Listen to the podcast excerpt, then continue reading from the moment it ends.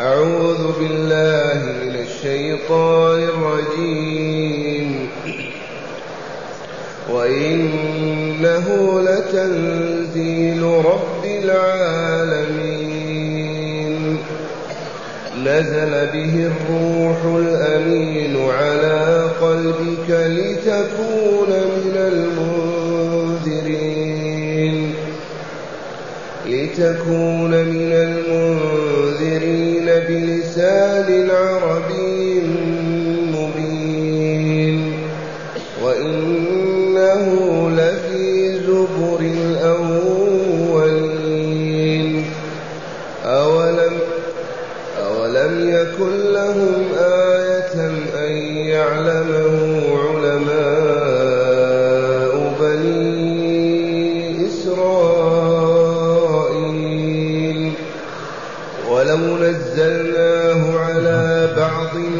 الأعجمين فقرأه عليهم فقرأه عليهم ما كانوا به مؤمنين كذلك سلكناه في قلوب المجرمين لا يؤمنون به حتى يروا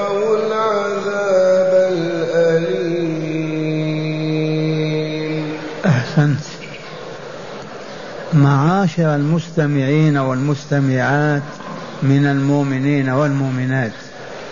قول ربنا جل ذكره وإنه لتنزيل رب العالمين. ما هذا الذي هو تنزيل رب العالمين؟ إنه القرآن العظيم كتاب الله القرآن الكريم الذي حوى هذه القصص السبعة التي قصت علينا. كيف ينكر هذا المشركون وكيف يكذبون؟ والرسول أمي لا يقرأ ولا يكتب. وبلغ الأربعين من السنين. ما جلس بين يدي معلم. ثم يقص هذا القصص. كيف يكون هذا؟ والله ما هو إلا تنزيل رب العالمين. ما هو بكلام بشر لا محمد ولا غيره من الناس. تنزيل رب العالمين. من رب العالمين؟ موجد الكائنات والمدبر لها. خالق من خلق ورازق من رزق الله هو رب العالمين. إذ لا يوجد للعالمين رب إلا الله. والله ما يوجد رب للعالمين إلا الله. إذ العالمون كلهم مخلوقون مربوبون خالقهم واحد رازقهم واحد مميت محييهم واحد لا إله غيره ولا رب سواه. ومن قال يوجد كذا فليشير بيده أو برأسه. مستحيل أن يوجد إله مع الله. أما الآلهة المزعومة الباطلة التي صنعوها ووضعوا لها تماثيل وصورا وعبدوها فليست إله حق وإنما هي أباطيل وترهات وأكاذيب. زينها الشيطان للناس. أما الإله الحق فهو الخالق الرازق. الخالق لهذه المخلوقات الرازق لها. ذلكم هو رب العالمين. القرآن الكريم تنزيله هو الذي نزله على قلب نبيه ورسوله محمد صلى الله عليه وسلم. وإنه لتنزيل رب العالمين نزل به الروح الأمين. الروح هو جبريل عليه السلام.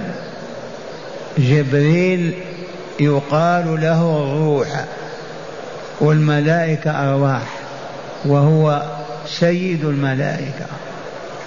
والأمين على ما يرسله الله به. بالأمس عرفنا أن الرسل يقولون إنا رسول الله إليكم آمنون. إذا فجبريل كذلك رسول من الله إلى نبيه ومصطفاه أمين على ما يعطيه الله ليبلغه إلى رسوله صلى الله عليه وسلم. فوالله ما ينقص كلمة ولا يزيد أخرى. كما يعطيه الله ليبلغه إلى رسوله محمد صلى الله عليه وسلم يبلغه. فلا يتهم في شيء. وحسب حسب أن الله قال نزل به الروح الأمين.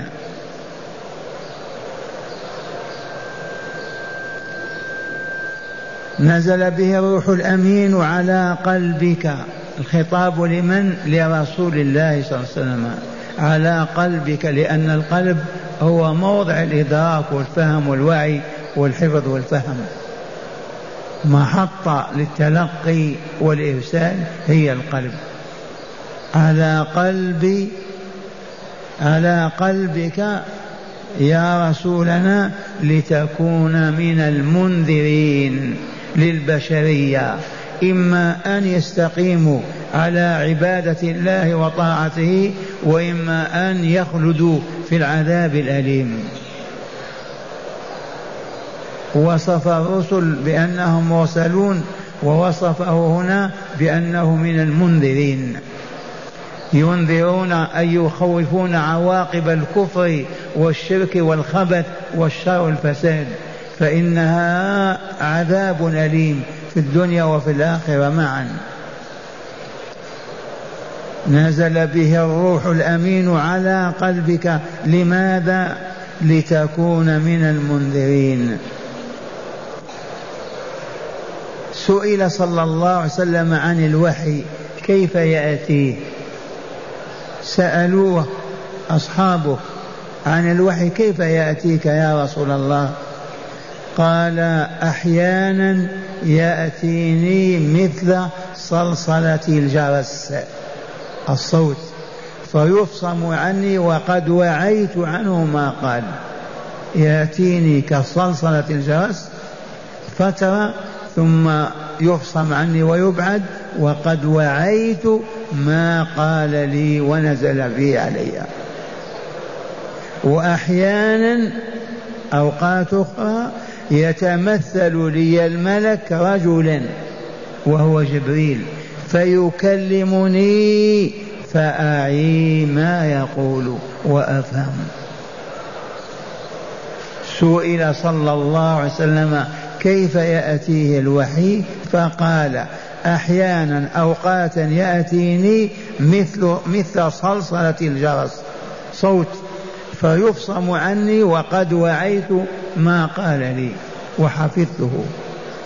أحيانا يأتيني يأتيني أحيانا يتمثل لي الملك رجلا وهو جبريل فيكلمني فأعي ما يقول.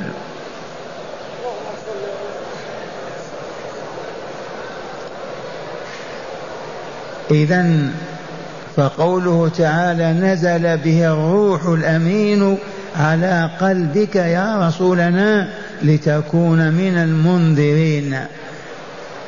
ما معنى المنذرين؟ المخوفين عواقب الشر والفساد والخبث في الدنيا عواقب جهنم والمصير المظلم يوم القيامة.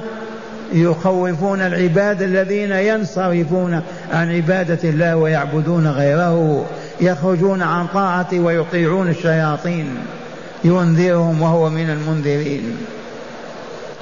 ثم قال تعالى بلسان عربي مبين. أي هذا الوحي الذي ينزل على رسولنا وينزل به جبريل ينزل به بلسان عربي مبين واضح بين. حتى لا يقال كيف فهم هذا عن جبريل وهو ملك وهو بشر إنسان. قال ينزل به بلسان عربي مبين.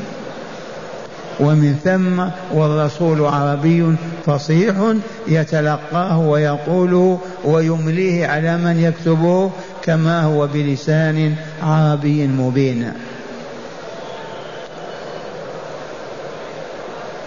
لو ما كان القرآن بلسان العرب لقد يعذرون إذا قالوا ما فهمناه ما عرفنا ما تقول نحن عرب وهذا عجمي ما يعذرون لكن الله قطع عذرهم.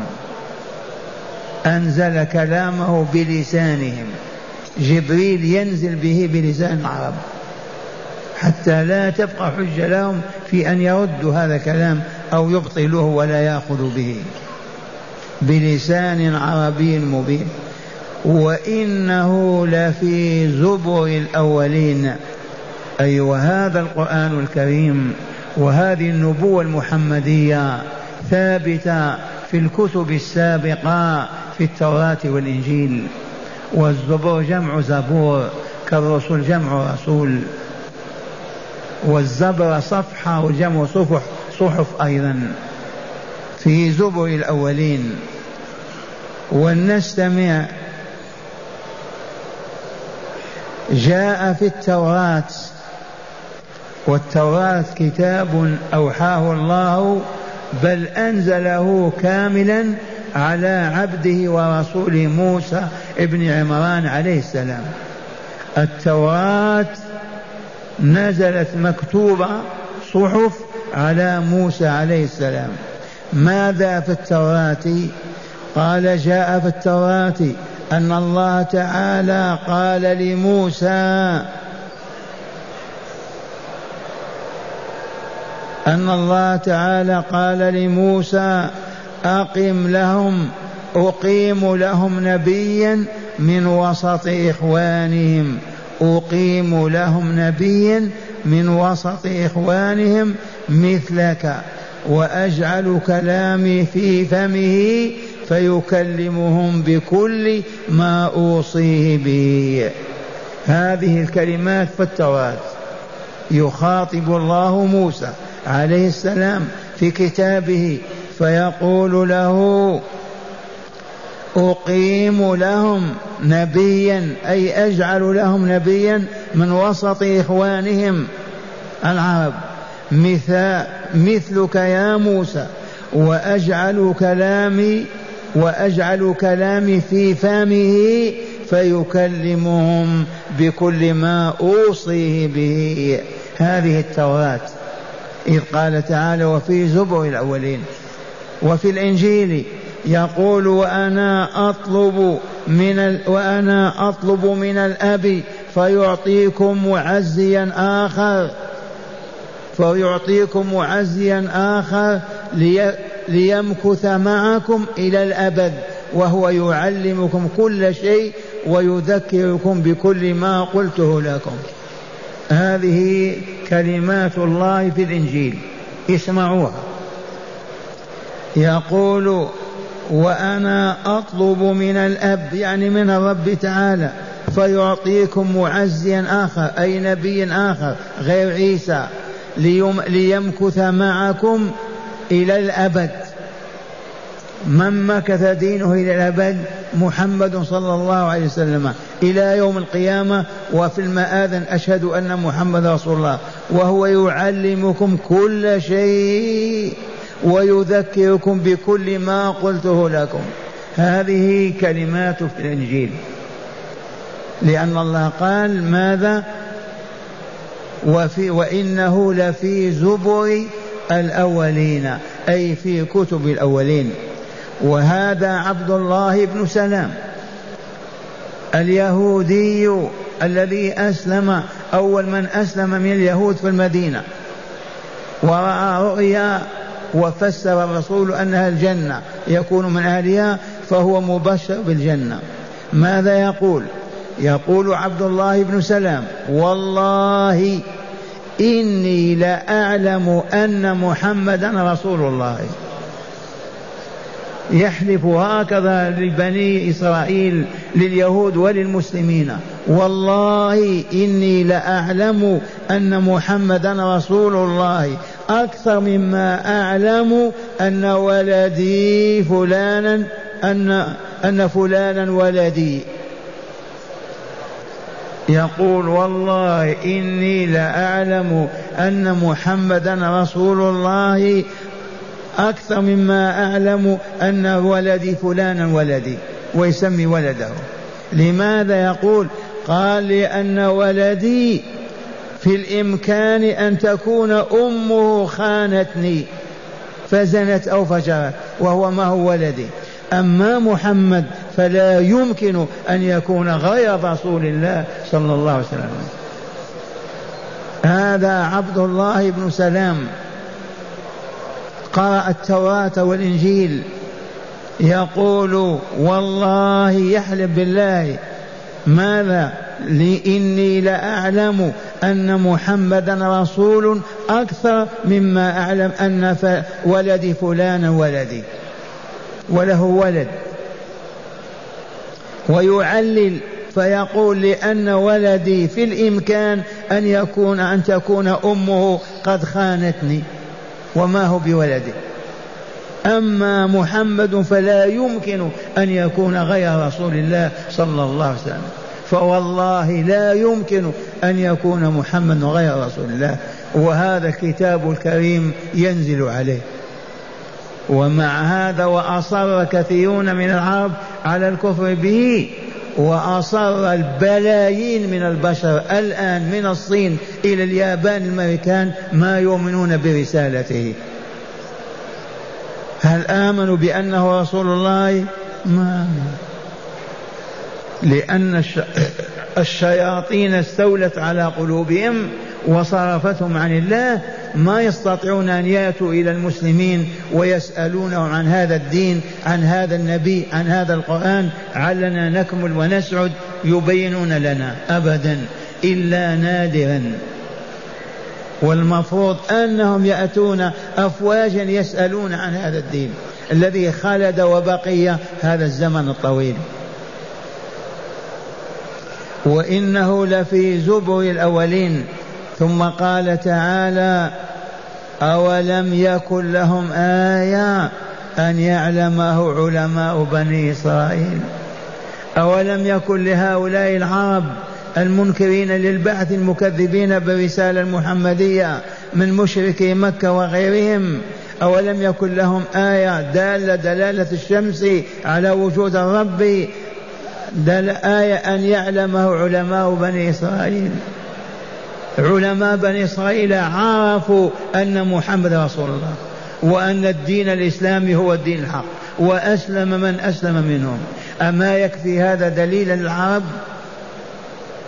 وقد كفى وآمن العرب كلهم إلا جماعة كتب الله شقاوتها فهي في جهنم. الذين آذوا رسول الله وآلموه. أولم يكن لهم أي لهؤلاء المكذبين برسالتك المنكرين للبعث والدار الآخرة المكذبين بتوحيد الله؟ أولم يكن لهم آية علامة قطعية تدل على أنها على أنك رسول الله وأن لا إله إلا الله وأن الدار الآخرة حق. أن يعلم علماء بني إسرائيل. وسمعتم كلمات ابن عب... ابن مسعود. ابن عبد السلام. ثم قال تعالى ولو نزلناه على بعض الأعجمين لو نزلنا القرآن على بعض الأعجم ما هم بعرب؟ من الشام ولا من العراق أو من أي جهة. نزلنا القرآن على بعض الأعجمين الذين ما ينطقون بالعربية ولا يعرفونها. فقرأه عليهم أي قرأه على العرب. ما كانوا به مؤمنين. لو أن الله عز وجل أنزل القرآن على رومي من الروم أو ترك من الأتراك في ذلك الزمن. وقرأوا على العرب والله ما يؤمنون أبدا. بدليل نزل بلسانهم وعليهم ما آمنوا. فكيف لو جاء شخص غريب وقال أن نزل عليه قرآن والله ما يقبلون. أبدا ولا يصدقون. ولو نزلناه على بعض الأعجمين فقرأه عليهم ما كانوا به مؤمنين ولا مصدقين أبدا بل يكذبون ويقولون باطل. لماذا بين تعالى العلة في ذلك؟ قال كذلك سلكناه في قلوب المجرمين. هذا التكذيب وهذا العناد وهذا الكفر وهذا الباطل نحن الذين أدخلناه قلوبهم بسبب ظلمهم وفسقهم وفجورهم ففسدت قلوبهم. ما أصبحت قابلة للوعي ولا الإدراك ولا البصيرة لأنها كالميتة وهذه التي نكررها معاشر المستمعين. القلب قلب. إذا تواردت عليه الخطايا وتوالت الذنوب ولا توبة ولا إيابة ولا رجع إلى الله هذا القلب تمضي عليه فترة يصبح أصم أبكم لا يعي ولا يفهم ولا يعقل. أبدا. ينكر الواقع يقول هذا غير موجود. واقرأوا قول الله تعالى بل ران على قلوبهم ما كانوا يكسبون. والحبيب صلى الله عليه وسلم بين هذا بالتفصيل. قال إذا أذنب العبد ذنبا وقع نكتة سوداء على قلبه فإن تاب منها صقل ذلك الذنب ومحي وبقي القلب مستشرقا مستنيرا. وإن هو لم يتب وزاد ذنبا آخر فوقع إلى جنب النقطة الأولى وثالث ورابع حتى يعم القلب وذلكم الران الذي قال الله تعالى فيه ران على قلوبهم ما كانوا يكسبون من الظلم والخبث والشر والفساد والشرك والكفر. فالله عز وجل يسلكه حسب سنته في الخلق. أليس كذلك؟ الماء والصابون ينظفان الجسم ويطهرانه. الخوع والبول والدواء يعفنان الجسم ويخبثانه سنة من سنن الله تعالى.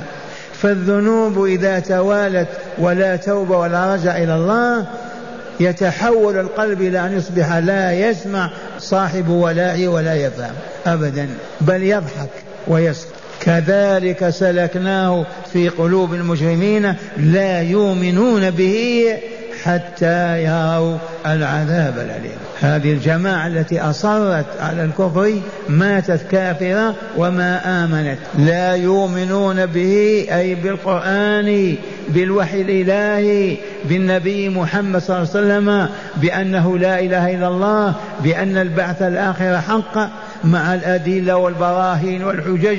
آلاف. حتى يشاهدوا العذاب.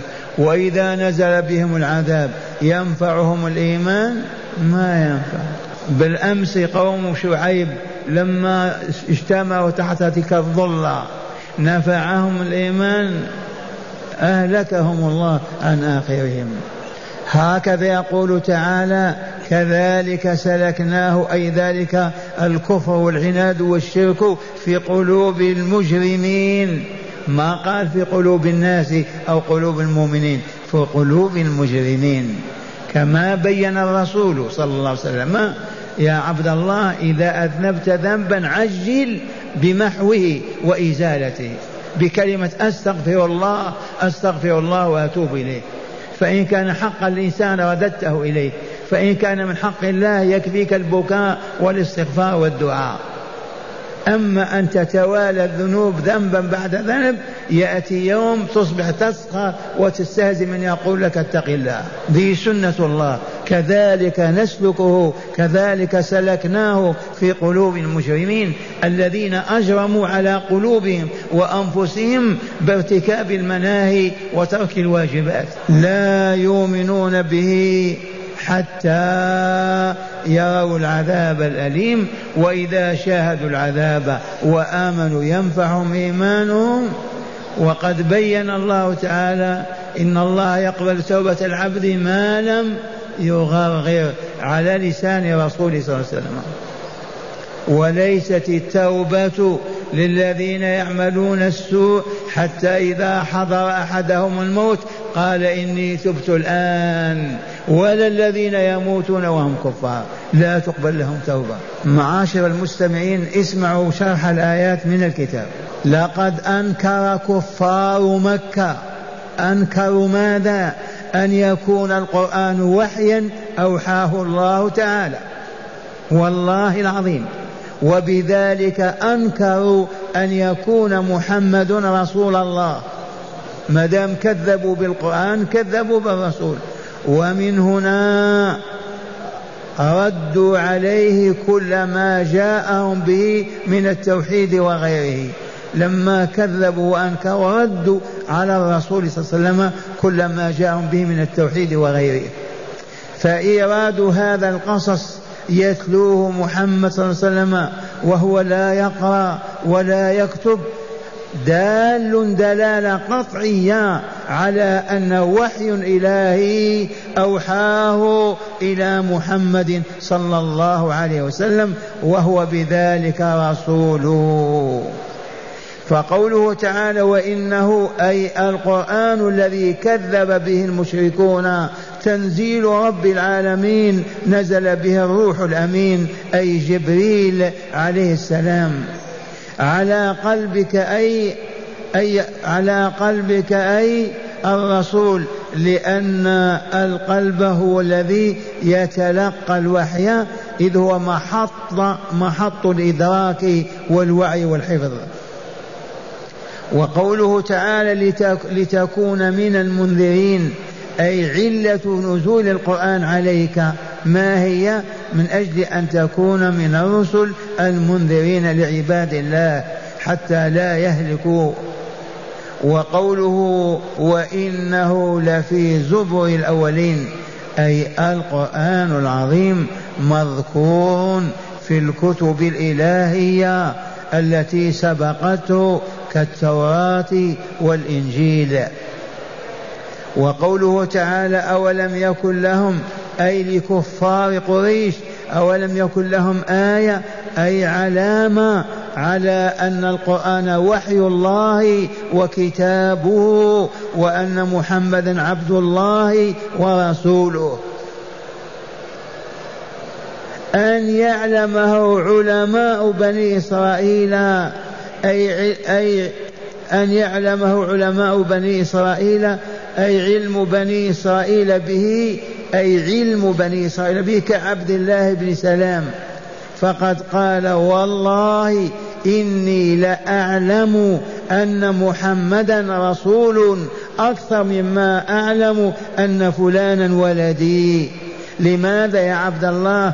قال لأن ولدي في الإمكان أن تكون أمه قد خانتني. أما محمد فلا يمكن أن يكون غير رسول الله صلى الله عليه وسلم. وفيهم قال تعالى يعرفونه كما يعرفون أبناءهم. ومن عرف محمدا رسولا عرف القرآن وحيا أيضا إلهيا.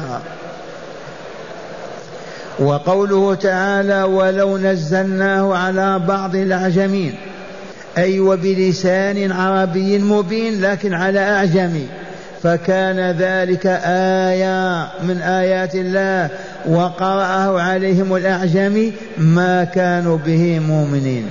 أي من أجل الآنفة والحمية إذ يقولون أعجمي وعربي والعياذ بالله وقوله تعالى كذلك سلكناه أي التكذيب وعدم الإيمان في قلوب من؟ في قلوب المجرمين. أي كما سلكنا التكذيب في قلوب المجرمين لو قرأ القرآن عليهم أعجمي سلكناه أي التكذيب في قلوب المجرمين إن قرأه عليهم محمد صلى الله عليه وسلم. والعلة في ذلك هي أن الإجرام على النفس بارتكاب عظائم الذنوب من شأنه أن يحو أن يحول بين النفس وقبول الحق لما ران عليها من الذنوب وأحاط بها من الخطايا. أعيد هذه الجملة. والعلة في ذلك ما هي؟ هي أن الإجرام على النفس بارتكاب عظائم الذنوب من شأن هذا الإجرام بارتكاب عظائم الذنوب من شأن حسب سنة الله أن يحول بين النفس وقبول الحق. وذلك لما ران عليها وغطاها من الذنوب وأحاط بها من الخطايا. وقوله لا يؤمنون به تأكيد لنفي الإيمان حتى يروا العذاب الأليم. أي يستمر تكذيبهم بالقرآن والمنزل عليه حتى يروا العذاب الموجع وحينئذ لا ينفعهم إيمانهم وهم لا ينظرون ولا يمهلون. مع هداية الآيات. بسم الله والحمد لله. من هداية هذه الآيات أولا تقرير تقرير معتقد الوحي الإلهي والنبوة المحمدية. من هداية هذه الآيات تقرير التوحيد الإلهي والنبوة المحمدية والبعث الآخر. إذ كل الصور المكية نزلت لهذا الغرض. إيجاد عقيدة في قلب العبد بها يحيا يسمع ويبصر. هذه العقيدة تقوم على هذه الأسس الثلاثة. أولا لا إله إلا الله في الكون أبدا. ثانيا محمد رسول الله قطعا وبدون ما شك. ثالثا البعث الآخر لا بد منه. والأدلة قائمة. وجود الله دال على ألوهيته. نزول الوحي على محمد دال على نبوته. إيجاد هذه الحياة يستلزم حياة أخرى لأن هذه دار عمل ليست دار جزاء والجزاء يكون في الدار الأخرى لا بد منها. حتما لا بد من حياة أخرى ليتم فيها الجزاء. نعم. ثانيا بيان أن جبريل هو الذي كان ينزل بالوحي القرآني على النبي محمد صلى الله عليه وسلم. وهذا أمر مقطوع به ولا خلاف فيه بين المسلمين ولا بين غيرهم. القرآن نزل به جبريل على قلب رسول الله صلى الله عليه وسلم. كما علمتم أحيانا يأتيه يغشى يغشى نور. ويلقي في قلبه ويسمع له صوت كصلصلة الجرس. ثم ينفصل عنه ويعرف ما قال له. وأحيانا يأتي جبريل في صورة رجل ويجلس إليه ويعلمه. وقد علمنا أن جبريل في يوم من الأيام جاء في صورة دحية بن خليفة الكلبي وكان رجلا جميلا ذا بصيره وعلم ومعرفة ودخل مع باب المسجد والرسول جالس بين رجاله في الروضة وشق الصفوف ودخل وجلس بين يدي رسول الله صلى الله عليه وسلم ووضع يديه على فخذيه. ثم يأخذ يسأله عن الإسلام والإيمان وعن الإحسان وعن الساعة وانصرف. فقال تدرون من هذا؟ قالوا ما ندري. قال هذا جبريل أتاكم يعلمكم أمر دينكم. شاهدوا بأعينهم. نعم. ثالثا. أيام أيام كان الرسول في مكة في بداية الوحي. كان الرسول منعزل في غار حراء فيأتيه جبريل في صورة إنسان ويجلس ويعلمه ويضمه إلى صدره رحمة به. نعم. وتجلى له في جياد سد الأفق كله بستمائة جناح. نعم. ثالثا. تقرير أن النبوة المحمدية وأن محمدا من المنذرين. تقرير النبوة المحمدية وإثباتها وأن محمد صلى الله عليه وسلم من المرسلين إلى البشر النبيين المنذرين واحد منهم. والله يقول لتكون من المنذرين. أوحينا إليك وأرسلناك لتكون من جملة المنذرين وهم الرسل والأنبياء عليهم السلام. رابعا بيان أن القرآن مذكور في الكتب السابقة بشهادة علماء أهل الكتاب. بيان أن القرآن مذكور في الكتب السابقة في التوراة والإنجيل بشهادة أهل التوراة والإنجيل. ما كنا نسمع من عبد الله بن مسعود بن عباس بن سلام. تباتم والآن إلى الآن العلماء من اليهود والنصارى غير المقلدين. الجامدين. بل الأحرار يعرفون أن القرآن كلام الله وأن محمد رسول الله ويدخلون في الإسلام واحدا واحدا. لكن المسحورون والماديون غطت عليهم المادة يعرفون ولا يبينون ليبقوا على مناصبهم. هاتي. وأخيرا إذا تراكمت آثار الذنوب والجرائم على النفس حجبتها عن التوبة ومنعتها عن الإيمان. هذه الحقيقة التي يجب أن لا ننساها وأن لا تغيب عن اذهاننا وهي أن المعصية إذا تكررت يوما بعد يوم شهر بعد شهر بلا توبة والله لتحول القلب إلى ميت والنفس إلى مظلمة ويصبح يسخر من الدين ويستهزئ بأهله. فلهذا واجبنا ونحن بشر. إذا زلت القدم وسقط سقطة الله أكبر أستغفر الله أتوب إلى الله. إن كان حق رددته إلى صاحبه إن كان سبا وشتما قل له سامحني وعافيني وهكذا. وإن كانت بترك واجب انهض به بفعل محرم اجتنبه وتب إلى الله. خشية أن يستمر الذنب فيهلك القلب والعياذ بالله فيموت على سوء الخاتمة. هذه سنة الله. كذلك سلكناه في قلوب المجرمين.